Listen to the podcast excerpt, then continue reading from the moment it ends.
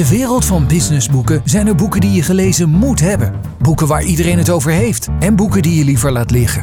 Thijs Peters en Remy Gieling gidsen je door de jungle van nieuwe businessboeken. In de Business Books podcast. Dames en heren, van harte welkom bij de 26e aflevering van de Business Books podcast. De podcast die je bijpraat over de beste, de leukste en de meest leerzame businessboeken van het moment. Mijn naam is Thijs Peters, hoofdredacteur van Good Habits. En naast mij zit Remy Gieling, hoofdredacteur van MT Sprout en oprichter van AI.nl. De edit van deze aflevering wordt gedaan door Max Schuiling van voicebooking.com. In deze aflevering bespreken we het boek Een nieuw kapitalisme voor een wereld in verwarring van Harvard-professor Rebecca Henderson.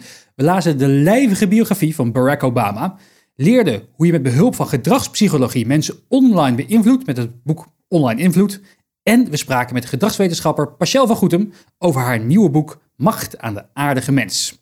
Maar eerst Thijs, we zitten in mijn werkkamer. Eindelijk, ja. ja. Eindelijk heb ik je een keer naar Leidse Rijn kunnen lokken. Precies. Nou, het, het was ook een beetje dat we wel misten om elkaar de ogen te kijken tijdens het maken van de podcast. Ja, dat- dat- werkt toch beter. Dat is zeker waar. En ik, en ik heb een verrassing. Eh, ik heb eh, afgelopen twee weken terug, ja, toch wel mijn favoriete management, mijn favoriete boek van het jaar binnengekregen. Wil je hem zien? Ik wil hem zien. Ja, hem hier ja. liggen? Pak hem erbij. Ah, kijk. Ik dacht dat je je eigen boek zou pakken. Nee, nog niet. Komen we zo op. Kom maar zo. Dit is, ja, de, de mensen thuis zien dat natuurlijk niet, maar dit is eh, Yuval Harari's Sapien. Nou, dat boek is al een jaar Ja. of acht oud, geloof ik inmiddels. Maar dit is dus de graphic novel versie. Oh, Dus het is een, het is ja, een, ja, ja. Ik zie Thijs een beetje verwonderd kijken. Nee, vet. Nee, dit is mooi. Ja. En hij heeft het dus gemaakt. Ik, ik kwam erachter door een podcast. Die, die, die podcast ik, eh, bespreken we aan het eind nog eventjes. En daar noemde hij dus in dat hij had gewerkt aan een graphic novel voor volwassenen. Het is dus niet voor kinderen. eh, eh, noemt hij specifiek. Maar voor mensen die het gewoon lastig vinden om echt van die vuistdikke boeken, want hij maakt echt grote, grote dikke boeken, door Ja. te komen, is het dus gewoon een, ja, een soort stripboek geworden. Dit is ook wel een tip voor een eh, auteur die we later in deze aflevering nog gaan eh, bespreken. Ja, precies, precies. Het later over. Onze foto met hem hangt daar eh, op de achtergrond. Hij is echt, hij is echt heel erg mooi. Ja, kan ik aanraden. Zeker. Ja, je noemde wel eventjes Obama inderdaad. Ja. Vuistdik boek. Oh, We staan daar met hem op de foto. We hangen, ja, ja, ja, ik kijk elke ochtend even naar jou, Thijs. En naar Obama. Hij Hoe- ging door zijn knieën. Hè? Ik zie ons daar bijna op gelijke hoogte staan, maar hij was... eh, Hoe, hoe, hoe vond jij het om in het 2018 was het, eind 2018, eh, de hand te mogen schudden?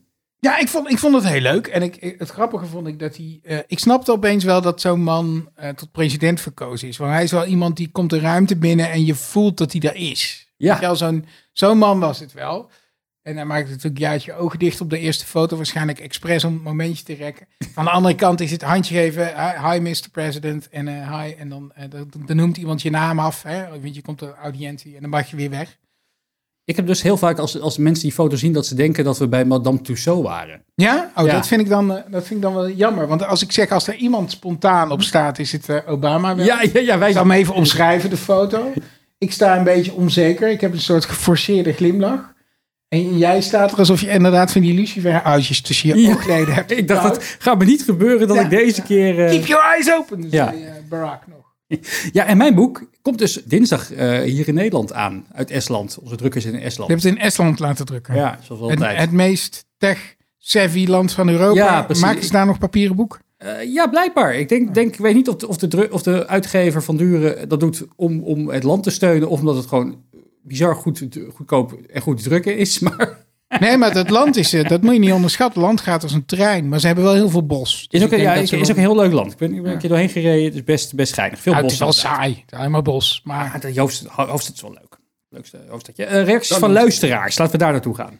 ja, ik, eh, nou ja, ik heb wel in de wandelgangen kreeg ik wel wat opmerkingen over mijn interview met Aaron Meyer. Dus eh, Jo, dat ze leuk. dat wel interessant vonden. Ik vond het ook echt een heel goed interview.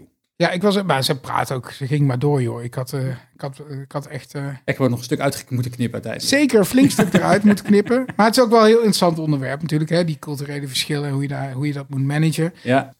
Ik had nog een andere, eh, een vriend van mij, die vond de vorige aflevering helemaal ruk.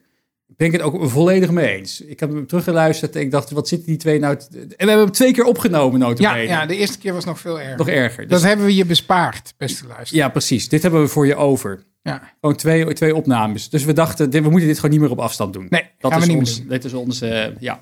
Zullen we naar het eerste boek gaan? Ja, maar ik dacht eigenlijk nog even iets anders. Want we houden van reacties van luisteraars.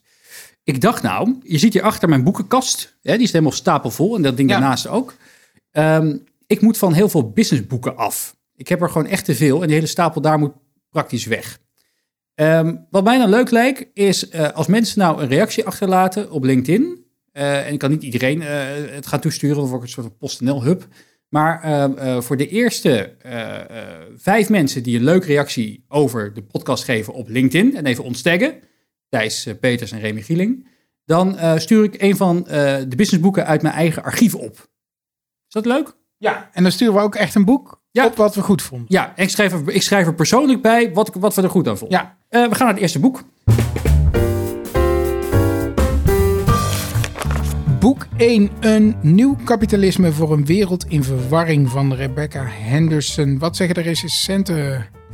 Een must-read voor iedere leider die op lange termijn mee wil blijven doen. Paul Polman, oud-CEO van Unilever en Nederlands trots. Eh, en de pandemie heeft meer gewicht gegeven aan haar analyses, de Financial Times. Klinkt als zware kost, maar wel interessant. Nou, en het boek gaat over duurzaamheid en het businessmodel van duurzaamheid. En ik moet zeggen, dat trok mij niet per se enorm. Maar ik vond de titel wel bijzonder, weet je wel. Eh, kapitalisme voor een wereld in verwarring. Ik denk dat we daar ook wel een beetje in zitten met z'n allen, pandemie of niet. En die Rebecca Henderson, dat is een, een, een, een, een, dame. Ze is, ze is, ze is Harvard-professor en ze geeft daar ook een, een over, over, over het, het nieuwe kapitalisme. Het kapitalisme wat niet maar alleen maar werkt aan welvaart, maar ook aan duurzaamheid. Paul Polman die enthousiast was. En het mooie is dat, dat, dat dit boek heeft wel een beetje mijn ogen geopend dat er echt snel wat moet gebeuren aan A, eh, de duurzame missie van veel bedrijven, maar ook wel de case dat ze maakt van dat heel veel mensen zitten te wachten tot overheden dat gaan doen. Maar zij zegt eigenlijk van nee, de bal ligt bij de bedrijven. De bedrijven moeten samen onderling gaan zorgen dat we dit zinkende schip, wat onze eh, globale ecologische voetafdruk heet, Ja, de goede kant op gaan, eh, gaan krijgen. Want het gaat niet goed en als we niet snel wat doen, dan gaat het ook niet meer goed komen. En heeft zij daar een antwoord op? Want het probleem van het kapitalisme is natuurlijk dat mijn individuele belang nooit gelijk staat aan het collectieve belang. Ja, dat is, dat is een beetje lastig. Ze, ze heeft een aantal voorbeelden waar het wel bij is gelukt. Ik noem maar eh, een Unilever. Unilever is een van de grootste thee-inkopers ter wereld. Ja, En als één jonge man, ik denk een Nederlander, maar weet niet helemaal zeker, die eh, op een gegeven moment daar een soort van de leiding over, over, over, over kreeg. En die zag van, ja, weet je, we zijn een van de grootste thee-inkopers, maar op duurzaamheidsgebied eh, eh, lopen we best wel heel erg achter. Kunnen we niet een case maken dat wij als Unilever het meest duurzame theebedrijf ter wereld kunnen gaan bouwen? En hij is daar met de hele keten is hij bezig gegaan tot aan de plantage medewerkers aan toe. Dat ze allemaal gecertificeerd werden en getraind en onderling elkaar gingen helpen om in ieder geval een stuk duurzamer te gaan werken dan, dan vroeger was. Dat was één van die cases. Nou, Triodos komt nog voorbij eh, als, eh, als, als echt een held op het gebied van duurzame financiering. Dus dat is ook, ook wel weer heel erg leuk. En ja, ze geeft een paar handvaten voor bedrijven. Zorg allereerst dat je echt een, een, een duurzame missie hebt en neem daar iedereen in mee, dat iedereen daar enthousiast van wordt. Nou, voor mij is er geen medewerker meer te vinden die daar niet enthousiast van wordt. Misschien een paar oude rotten bij Shell die er anders over denken. En zorg dat je met je concurrenten in gesprek gaat, eigenlijk een soort van ronde tafelsessies gaat houden, om gezamenlijk een duurzamere toekomst voor te stellen. En wat je daar collectief aan moet gaan doen. Want het probleem is ook een beetje van als jij veel duurzamer gaat werken en de prijzen daardoor omhoog moeten, maar hè, de, de, de buurman doet het de niet. buurman doet het niet, dan zullen heel veel, heel veel, heel veel Ja, maar hoe, eh, hoe voorkom je dat probleem dan? Want dan, dan kies jij de duurzame niche. Dus er is een deel Ja. van de consument die daarop ingaat. Ik bedoel, ik ben best wel genegen om dat ook te doen.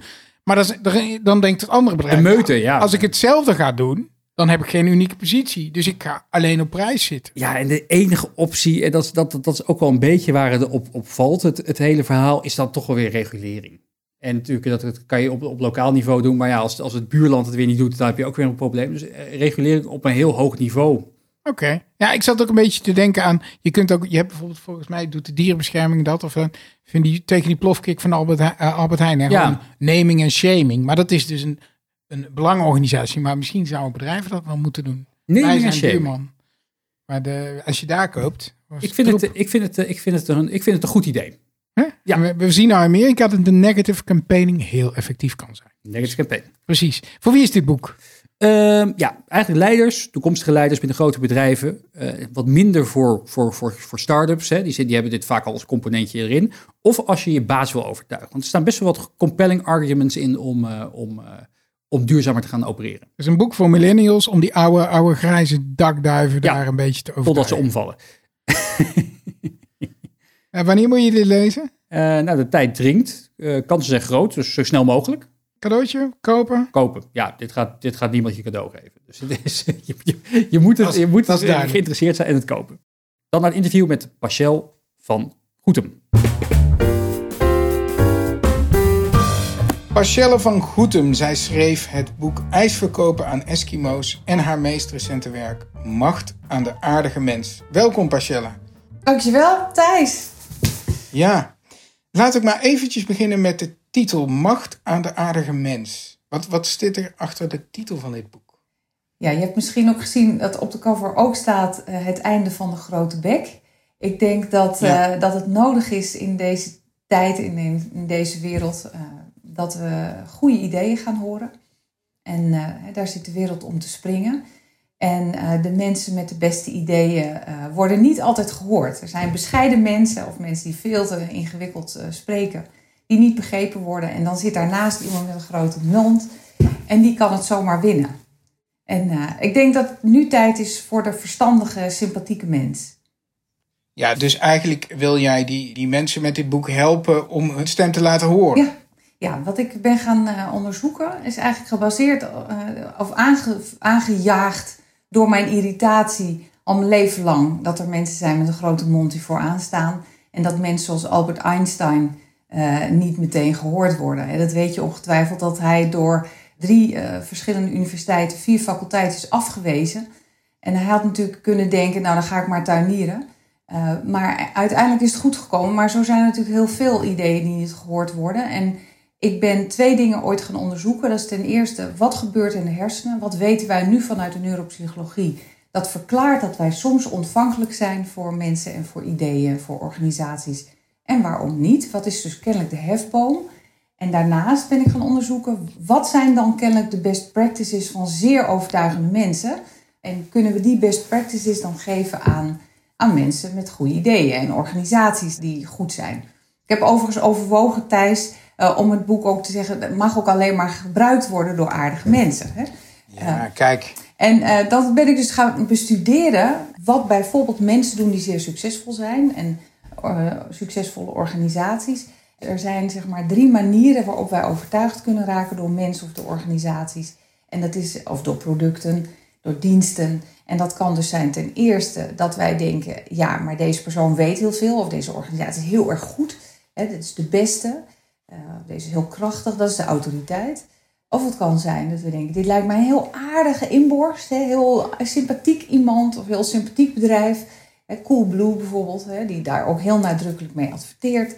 Uh, of dan uh, de heel bijzondere mensen, de bijzondere organisaties, de innovators, de, de creatievelingen, de, de authentieke bijzonderen. En dat, dat noem ik dan voorbeeld. Dat zijn mensen die, die we cool vinden ik begrijp ook dat je boek, je, moet, je kunt meerdere rollen aannemen als je mensen wilt overtuigen. Afhankelijk van de situatie moet je een keuze maken. Ik ga vanuit autoriteit praten of ik ga me opstellen als een vriend. Ja, het is denk ik ten eerste heel fijn als je weet hoe word ik nu eigenlijk gezien. He, er, er, is zoiets als wat dan aan je kont hangt, zeg maar je, je charisma. Dat kan zijn van een heel krachtig iemand, van een heel sympathiek iemand of een heel bijzonder iemand. Hoe sta je bekend? Nou, en van daaruit kun je gaan denken, Um, Oké, nu heb ik deze rol. ik ben nu de aanjager. Ik ben nu de, degene die deze troepen moet voor, uh, op sleeptouw moet nemen. Of ik ben hier als expert ingehuurd. bijvoorbeeld, ik ben nu een arts of ik ben een, een, een advocaat. Dan zullen heel veel mensen in eerste instantie van je verwachten dat jij weet waar je het over hebt. Dus dat ze van jouw autoriteit verwachten. Nou, ben je dan van origine meer iemand die een sympathieke uitstraling heeft, dan zou je kunnen zeggen, nou, in mijn rol als arts of als advocaat, is het handig dat ik autoriteit toevoeg. En er zijn natuurlijk ook mensen die hebben alle drie. En die uh, zijn waarschijnlijk waanzinnig succesvol. He, die hebben alle ja, drie de stijlen. Je, je noemt uh, Bill Clinton uh, vaak in je boek, hè? Oh, echt? als, als iemand. Ik heb je nooit ontmoet dan, want hij komt vrij veel in het boekje voor. Oh, echt waar? Die, oh, dat is goed dat je dat noemt. Dan moeten we in de volgende druk. Hè, Bill Clinton is natuurlijk een beetje van het toneel verdwenen. Ik heb hem nooit ontmoet. Uh, zijn opvolger uh, uh, nadien, gelukkig wel, die misschien nog wel sympathieker is dan Bill Clinton zelf. en die alle drie de stijlen heeft, hè, Barack Obama. Maar Bill Clinton, van hem is bekend. Heb jij hem ooit ontmoet, Thijs? Ik heb alleen Barack Obama ontmoet. Ja. Eh, Ja. En, en het is wel, het is wel, ik heb wel, ik merkte wel dat er is een presence die binnenkomt. Ja. Dus je voelt, maar ja, dat kun je natuurlijk leren, denk ik. Dat kun je Als leren. Als je acht jaar president. eh, Nou, dat heeft hij ook geleerd. Hè? En dit is zeg maar waar mensen voor bij mij komen. Hè? Ik begeleid ook mensen één op één. En dit is precies waar mensen voor komen. Hoe krijg ik presence? En dat is dus te leren. En dat vind ik zo gaaf. Dat ik nu na al die jaren onderzoek daarnaar kan zeggen: ja, dit kun je leren. Barack Obama heeft het ook geleerd. Ja, en, en je, je bent van oorsprong ben je eh, stempatholoog, heet dat geloof ik. Eh, vond ik leuk dat ik in jouw boek ook teruglas. Hè? Als je autoriteit wil uitstralen, moet je naar beneden praten. Ja, En op een punt eindigen. zeker. Maar als, als je een vriend wil worden, dan moet je omhoog praten. Ja. En een beetje. Jouw, stem, eh, Thijs, leent zich dus uitstekend. Ja, ja, ik, ik zal dat woord nog maar een keer noemen. Bill Clinton. Eh, die Ja. heeft een vergelijkbaar mooie, heese stem zoals jij. Nou, daar hangen mensen aan je lippen. Hè, dus we, Dat- ja, we weten ondertussen dat iemand die zijn of haar stem hees gebruikt... Hè, dat dat mensen heel boeiend vinden. Dus dat ze de persoon ook heel boeiend vinden. Marilyn Monroe heeft er garen bij gesponnen. En eh, dus een, een, een heesige stem vinden mensen boeiend om naar te luisteren. En wat opvalt zeg maar, bij eh, Hugo de Jonge, die heeft een hoge stem, hoge, hoog bereik gebruikt hij veel. Eh, net als jij bijvoorbeeld, en Jesse Klaver en Linda de Mol. En hè, dus, dat je meer zeg maar, bovenin, Alexander Pechtold, Umberto Tan, veel in de hoogte. En dat vinden mensen heel sympathiek. Niet per se autoriteit. En dat kun je natuurlijk gewoon, dat je af en toe ook in de laagte kan. Dat zou jij vast ook gebruiken. Eh, en eh, dat is wat Mark Rutte dus veel doet. Die kan mooi afwisselen. Die gebruikt zijn prachtige bariton. Soms omhoog. Hè. Jongens, eh, we gaan er tegenaan met z'n allen. Hè. Doe allemaal mee. Heel gezellig, warm. En dan eh, in de laagte zet hij dan... Het is niet anders, jongens. Misschien moeten de maatregelen richting de kerst nog verder worden aangescherpt. ja, en dan zit iedereen op zijn stoel en luistert iedereen. Ja, ja, ja. Wat, wat mij ook nog opviel, en gelukkig heb jij gezegd dat alleen aardige mensen je boek mogen lezen. Maar op een gegeven moment schrijf je ook, als jij bijvoorbeeld als een autoriteit wil overkomen, dat je eigenlijk je falen nooit moet toegeven. Nou hebben we een president in Amerika zitten, hij zit er nog eventjes. Die heeft dat als een soort kunst verheven. Nee, dat je eigenlijk gewoon daar niet mee, mee bezighoudt. Zoals zeg maar een puma die achter een hyena aan heeft gerend. Of een, een gazelle. Ja, en die, en die niet heeft eh, eh, gepakt. Dan is het niet zitten op een steen en contempleren. Ik heb mijn dag niet. Weet je, Het is gewoon even uithijgen en on to the next one. Weet je, dat, dus het gaat niet om eh, excuses, vind ik namelijk dat je wel moet kunnen maken. Ik dacht even dat Moet je dat doen, Ja, ja, ja. Maar wat de autoriteit uitstaat is, oké, het oog op de bal. Hè, onwards en upwards. En dat is zeg maar wat onweerstaanbaar is. Er heeft nog nooit een president kunnen waarmaken wat hij of zij ooit in een campagne heeft beloofd. En keer op keer kiezen we toch voor iemand die lijkt te denken: dit is waar we naartoe gaan. Dus dat, dat is onweerstaanbaar voor een leider.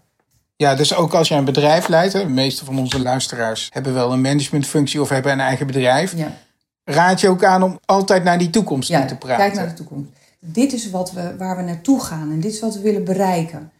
En hier wil ik dus graag een lans voor breken. Dat je als aardig mens en realistisch, soms pessimistisch in je eigen voet kan schieten in termen van overtuigingskracht. Het derde puntje was eh, eh, een voorbeeld zijn. Dat vond ik eigenlijk de lastigste. Vriendelijk overkomen. Ja, Nou, dat, dat lukt de meeste mensen wel. En met mijn stem helemaal. Blij om dat te horen. Maar als een voorbeeld overkomen, hoe doe je dat? Ja, dit is inderdaad het meest ongrijpbaar. Hè? Dus hoe word je nou cool? En ik denk dat er drie elementen zijn die mensen die cool zijn met elkaar gemeen hebben.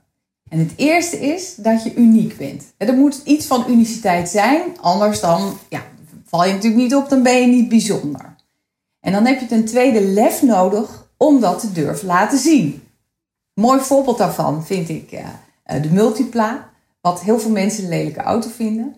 Nou, dan zou je kunnen zeggen, hoe cool is het dan als je daarin durft te rijden? Ja, dat is dus heel erg cool. Want dan doe je niet de dingen die iedereen cool vindt of mooi vindt. Maar dan denk je, ja, eh, scheid, dit vind ik mooi en zo doe ik het.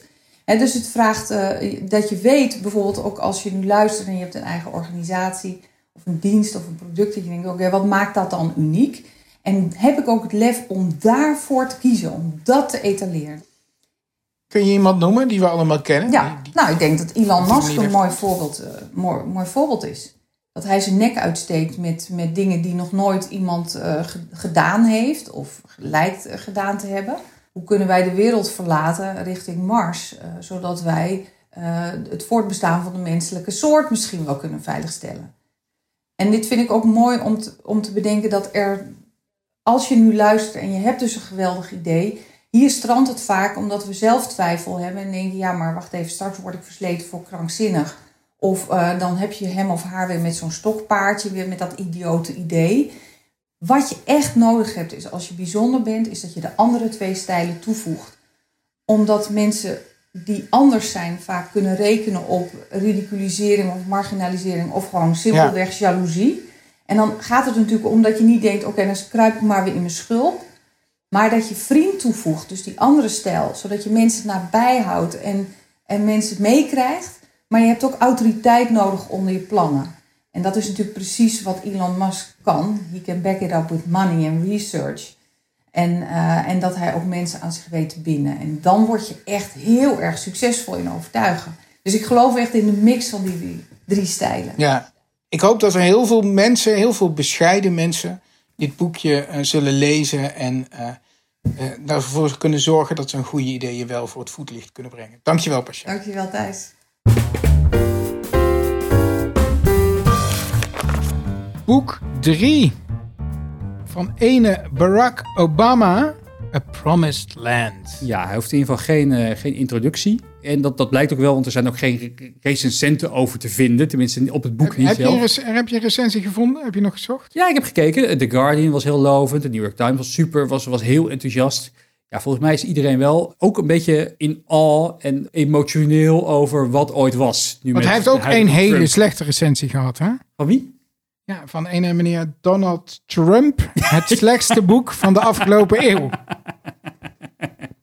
Ja, gek. Gek dat iemand zo, zoiets zou zeggen. Ehm, ja, Thijs, eh, jij hebt hem als eerste opengeslagen. Ja, Ik, ik had hem wel binnen, maar ik heb hem een paar dagen later eh, begonnen. Dus je hebt het ook iets verder erin. Het is, het is een, allereerst een, echt een extreem dik boek. Het is deel 1 van twee delen. ja, de schrik sloeg mij om het hart. Ik dacht, oh, ik heb de trilogie gedownload, want ik had het als e-book. Ja, Maar dit was dus deel 1. ja het, het, het eindigt bij het moment dat ze, dat ze Osama Bin Laden pakken. Dus Ja. daar, alle The Lord of the Rings, cliffhanger, zit erin. En het is dus een heel dik boek, 700 pagina's. In het Nederlands 850 pagina's, eh, meen ik. Wat mij allereerst... Het eerste stuk gaat het over zijn jeugd. Dan gaat het over zijn race naar het senatorschap. Binnen no time zit hij eigenlijk zonder, eh, zonder dat hij daar echt voor gekozen had... in de race voor het presidentschap. Want iedereen zei tegen hem... The country needs change. Hè? Na, na, Ja. na, na Bush. Iedereen was een beetje klaar met Bush. En hij werd een beetje naar voren geschoven. Van, nou, weet je, je bent de jongste, de leukste. Ja, door Ted. Kennedy en zo. Hè? Door Doe een paar, van die oude senatoren en die Harry Reid, geloof ik, die, die een beetje zoiets hadden van. eh, en, en, en ook, ja, dan zie je dat die Democratische Partij ook. Hè, we, we, lezen nu constant over de Republikeinen, maar dat is ook wel echt een. eh, nou ja, niet de fijnste club, zeg maar. Onderling kunnen ze behoorlijk eh, knokken. Ik denk dat het ook een beetje tegen de Clintons was. Hè? Dan gaan we deze jonge gast naar voren schuiven. Want, nou ja, het was wel echt een fight. Ook als je, als je leest hoe hij en Hillary toch geknokt hebben en die campagnes troep over elkaar de wereld inbracht. En negative campaigning ook echt. Dat het er ook nog wel opvallend is dat, dat hij haar later nog gevraagd heeft als minister.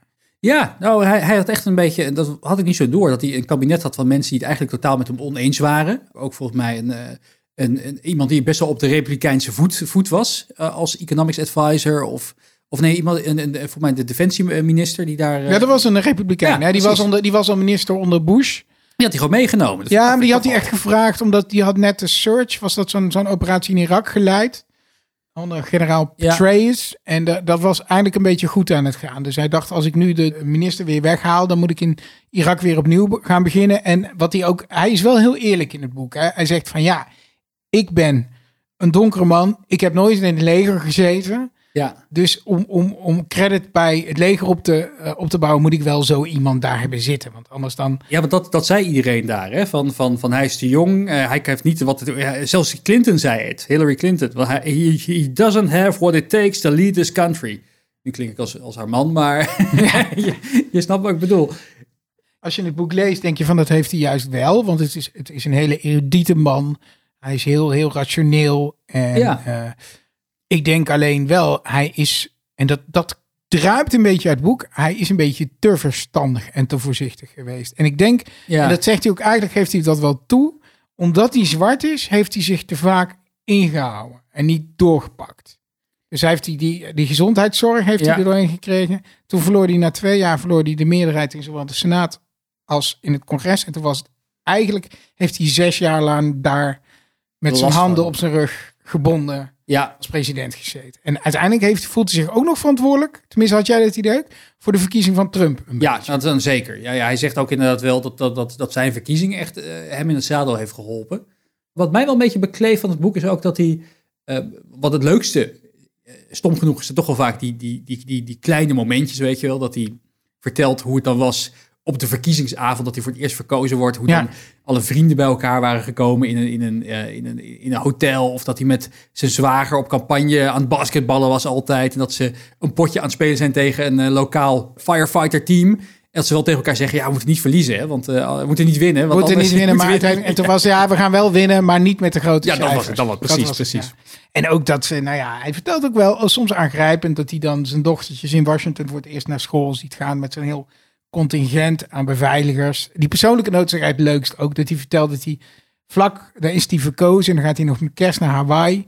En dan wil hij even gaan bodysurfen, want dat deed hij vroeger ook altijd. En dat hij zei, dat deed ik eigenlijk een beetje mijn ogen dicht om niet te zien dat er alleen maar Navy SEALs naast me aan het drijven waren. En, en dat hij het water uitliep en dat een van die Navy SEALs zo zijn oor leeg klopt, weet je wel. Ja. Oké, Mr. President, uh, I hope you enjoyed it because that was the last time in a long time that you can... En toen dacht ik, ja, dat zijn, dat zijn wel echt leuke inkijkjes. Maar voor de rest is het vooral een heel dik boek. En ik vond dat hij kan goed schrijven. Ja, hij, denk ik, hij heeft ook wel een goede ghostwriter, denk ik, erbij. Maar het was wel een zegen geweest als hij het in 400 pagina's had gedaan. Dat zo, ja, ja, nou dat. En, en hij, wat, wat, wat ik toch af en toe een beetje heb, is dat hij, eh, dat hij toch wel een beetje nog wat, wat, wat, wat, wat, wat, wat onuitgesproken ruzietjes van die tijd, nog eventjes, zeg maar, zijn stempel erop wil drukken. Dat doet hij best wel vaak. Ook naar Bush, ook naar Clinton, ook naar, naar die, die, die. Zelfs een die beetje naar Biden her en der. Ook een beetje naar Biden. En ja, dat, dat, dat zegt ze trouwens ook. hè. Ze denken dat, dat het boek is uitgekomen na de verkiezingen. Door dat zinnetje over het feit dat Biden niet eh, eh, tegen, tegen... Ja, ja, dat denk ik ook. Ik denk dat, dat hij het expres heeft Obama- uitgesteld tot na de verkiezingen. Ja. Voor wie is dit boek eigenlijk? Ik denk dat iedereen die een beetje een fascinatie heeft met het Obama-administration... en sowieso iets heeft met Amerikaanse politiek... Ik, het is niet zo dat het boek vol staat met leiderschapslessen. Het is niet dat je denkt dat je dit leest van... nou, ik, kan, ik ga nu, morgen ga ik mijn team zo aansturen. Nee. Je kan er inhoudelijk weinig mee, maar het is ontzettend gaaf... om, het, om zo'n first-hand memoir te lezen. Wanneer moet je dit lezen? Waar moet je dit lezen? Nou, je moet echt wachten tot je vakantie. Want dit, dit, dit- als je dit probeert te lezen tijdens het werken door... nou, wij, wij merken het al... Het is heel pittig om er een beetje op, te, op, tempo doorheen te komen. Is Ik, ik ben ook in bad gegaan. Ik dacht, Ja, nou, Remy, ja, in bad. ik heb snel. uren in bad gezeten. helemaal ja, ver- ja. ver- verrompeld kwam je er ver- ver- Ja, precies. je. Ko- kopen of eh, krijgen? Nou, als je dan echt een hele gulle Sinterklaas heeft, dan zou ik het vragen als cadeautje. Maar het is echt heel duur, hè? Of Nederlands boek 45 euro. Dat is Ja, ik, best ik, pittig. ik voor heb lekker de Engelse versie, een e-book versie bij Amazon gekocht. Dan Ja. valt het mee. Dan, dan was het nog eh, 20 euro. Of zo. Ja, ik heb, ik heb, ik heb hier wel, ik wilde wel de hardcopy hebben. wel Al echt het een mooi boek. Ik heb Ja, ook op e-book gelezen, maar ik heb de hardcopy ge- hierbij. Ja, het is wel een habitje. Dan gaan we door naar boek 4 van Bas Wouters en Joris Groen, Online Invloed. Zo pas je bewezen gedragspsychologie toe voor beter online toepassingen. Thijs, wat zeggen de recensenten? Ja, a must read for everyone in the field of online persuasion. Ja. Dr. Robert Cialdini. Het is een kleine wereld. Ja, ja. En eh, online invloed is heel nuttig en een heel leuk boek. Dr. Ben Tigelaar. Schrijver, spreker en gedragswetenschapper. Nou heeft hij ook een, eh, een recensie voor mijn boek achterop geschreven. Dus dit verdunt de waarde daarvan wel een beetje. Zo, is dat zo? Ja, ja. ja. Dus ik- ex- exclusief natuurlijk. ik denk ze wel allebei Ben eh, kennen. Hè? Ja, precies. precies. Zo'n ding vraag je altijd aan vriendjes hè, op de achterflap. Stiekem, maar dat vertellen we niet aan, eh, aan, aan de mensen. Maar, Ba- maar Hij Bas, leest ze wel echt. Dat is niet Ja. van iedereen het geval trouwens. Nee, zeker. Ze- Ik ben, ja, ik ben op dit moment zelfs weer met hem aan het werken. Hij is echt, eh, jij werkt ook regelmatig met hem. Het is een hele... Inhoudelijk is dit. van. Ja, Ja. is Ik denk dat hij ze echt leest. Maar dan eh, eh, Bas Wouters en Joris Groen. Ja, wat, waar, waar, ik, Bas ken ik zelf. Overigens hebben we de laatste keer gesproken. Die heeft dus ook weer connecties met eh heer Chialdini. Hij is een, hij is een oud, eh, oud succesvol ondernemer. En, en Chialdini wil dat zeg maar, de mensen die zijn leer uitdraaien... ook zelf met een poot in de klei hebben gestaan. Mhm. Nou, dat is Bas echt wel. Ik, ik kreeg het boek eh, van hem. Het is net nieuw. Het heeft hoog, geloof ik, ook in de management top gestaan al. En ik dacht eerst, oh, een werkboek. Dat vind ik nooit zo leuk. Nee, en online invloed, het is ook wel een beetje een uitgekoud thema. Want iedereen gebruikt nog steeds die dingen van Cialdini uit, uit 1980 ongeveer. Ja, en, en, en eh, ik begon erin en al heel snel ontdekte ik, ja, dit is wel gaaf. Hij, hij, pakt namelijk niet alleen Cialdini. Eh, dat doet hij wel, maar dat doet hij op een goede manier. Hij pakt ook eh Fox Tiny Habits erbij en, eh en Kahneman. De 1 en 2 principes. Eh, het is heel erg leesbaar, korte hoofdstukjes, maar vooral heel veel tips en voorbeelden. Er zitten echt heel, ja, toch wel grappige dingen en hele handige dingen. Hè, zorg bij apps, hè, niet voor niks bij je WhatsApp heb je dat kleine rode bolletje, afwijkend in vorm, afwijkend in kleur. Gebruik menselijke vormen en dieren, want systeem 1 van Kahneman, onze reptiele brein, wat we soms zeggen, richt zich op gezichten. En bij een gezicht willen we meteen een reactie, want het kan een leeuw zijn of een vijandig mens of iemand die je naar je grop wil eh, slepen om andere dingen mee te doen. Precies, dus sommige mensen willen heel erg mooie esthetische dingen maken. Dat is eigenlijk helemaal niet handig als je Nee, snel wil beïnvloeden. Mensen en dieren, daar zijn we op geprogrammeerd om in ieder geval een reactie te geven. Eten, ook zo'n goede. Ja, ja eh, zet heel erg in op emotie, ook in taal, tranen van geluk. Dit is te schattig. Klinkt flauw, maar daar reageren we op, want we willen iets met emotie. Eh, wat ik ook heel aardig vond, is het, het zorg voor perceived value. Hè? Het IKEA-effect noemen zij dat. Dat je zelf je kast in moet vullen, in elkaar zetten. Dat lijkt heel cheap, maar als je hem helemaal in elkaar hebt, ben je trots. En dan ben je twee keer zo blij met die kast dan als je hem bij de Leen Bakker had aangeschaft. Dus hij zei wat veel sites dus goed doen. Als je bij Nike zelf eh, zo'n configurator kunt aanklikken. Nou, blauwe dingetjes, blauwe veters, gele dingen. Ze hadden ze ook gewoon plaatjes naast elkaar kunnen zetten. Configurator is een beetje nep. Maar laat mensen wat doen en dan hebben ze erin geïnvesteerd en dan voelt het meer waard. Als je dus toespitst op good habits, heb je al dingen gezien waarvan je dacht, ah, dat, moet, dat moeten we echt erin gaan. Ja, eh, zeker. stoppen. De UX-designer weet dit allemaal. Maar ik- Hopen we. Ik, ja, hopen we. ik denk, dit moet naar iedereen in, in, om hem heen. Want dit is een soort basic knowledge over hoe je mensen... Maar bij ons, hoe je mensen in een training trekt en hoe je ze vasthoudt. Nu hoor ik het allemaal en ik ga toch even advocaat van de duivel spelen. Ja. En ik gun iedereen zijn boeken en inhoud, maar het klinkt wel heel erg als vooral het overnemen van hele bekende theorieën. Is ook zo. Zijn ze ook heel eerlijk in. Per theorie staat uitgelegd de theorie die ze gebruiken. En dat is juist het mooie aan het boek, vind ik. Dat je dus die theorieën pakt en die ga je heel praktisch op website, webdesign. Of hoe zij het noemen, gedragdesign. Eh, je moet geen website design, je moet gedrag. Ah, dus ze je- pakken eigenlijk de theorie en ze laten visueel met plaatjes of Ja. zo zien wat je, hoe je dat toepast. Heeft het dan nog toegevoegde waarde voor mensen die die theorie allemaal wel al kennen? Nou, dan is het een fijn naslagwerk op het moment dat je een website of zo in elkaar gaat draaien. Thijs, voor wie is dit boek? Verplichte kost voor iedereen met een webshop. Eh, en ik denk voor, ook voor andere bedrijven die bezig zijn met ontwikkelen of, of als je bezig bent met vullen van webpagina's. Wanneer moet je het lezen? Op het moment dat je een website gaat redesignen of zo, dan zou ik het, dat is het moment om te kopen, denk ik. Maar is het ook echt voor de ondernemers en de mensen in die bedrijven? Of is het Nou, als... of die ondernemer moet het lezen, zeg maar, en die kan dan tegen zijn webdesigner, je snapt dan wat die webdesigner doet. Dat is het Ah, meer. En ze doen niet allemaal alles goed natuurlijk. Dus En ze doen niet goed. En Nee. sommigen zijn, die hebben de neiging. Ik vond het wel mooi dat je dat zei. Want we hebben zelf ook meerdere websites geredesigned. heel vaak, ja. Verleden, ja, precies. Dat, en dan hoop je Wij dat het net weer. En vaak hebben ontwerpers toch, zelfs goede webdesigners, de neiging om dingen mooi te maken. Ja, vorm over functie. Ja, en jou niet strak te houden. Want bijvoorbeeld sliders, dat is echt de dood in de pot. Dat moet je gewoon niet doen.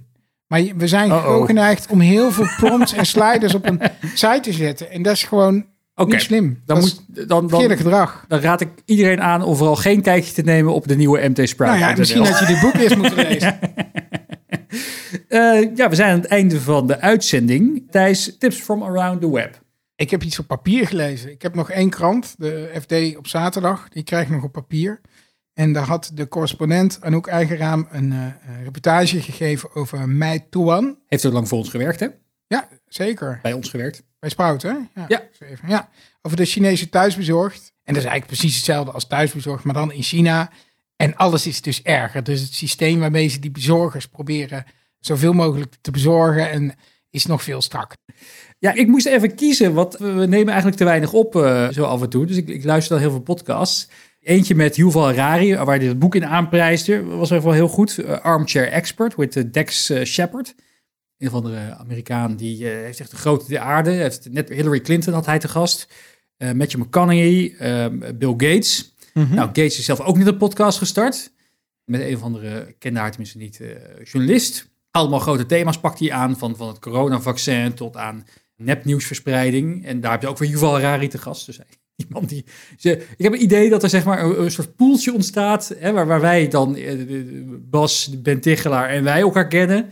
Dat in Amerika dat is onder de podcast host. Waardoor Bill Gates wordt gepoeld met Yuval. En Laten wij dan streven dat we volgend jaar in dat cirkeltje van... cirkeltje komen. Hè? Van, uh, ja, dat zou heel gaaf zijn. Van ja. Yuval en uh, Gates zitten. Ja, dat was hem dan, de 26e aflevering. Volgend jaar zijn we er weer, vrees ik. Dat het volgend jaar zal worden. Uh, ja, en vergeet niet om je reacties achter te laten op Spotify, Apple Podcast of LinkedIn. Want LinkedIn, je maakt kans op een boek. En gaaf boek uit onze eigen privécollectie. We sturen hem op. Uh, of kom hem ophalen. Mag ook allemaal, maar noem ons eventjes. Uh, op LinkedIn. En uh, ja, de beste boeken, of de beste, de eerste vijf recensies, of zes, we kijken eventjes die krijgen een boek. Heel erg bedankt voor het luisteren en graag tot de volgende aflevering. Tot zover de Business Books Podcast. Meer afleveringen luisteren? Abonneer je via iTunes of SoundCloud en krijg een melding wanneer er een nieuwe aflevering live gaat. De Business Books Podcast is een uitgave van Sprout en Management Team en wordt geproduceerd door voicebooking.com.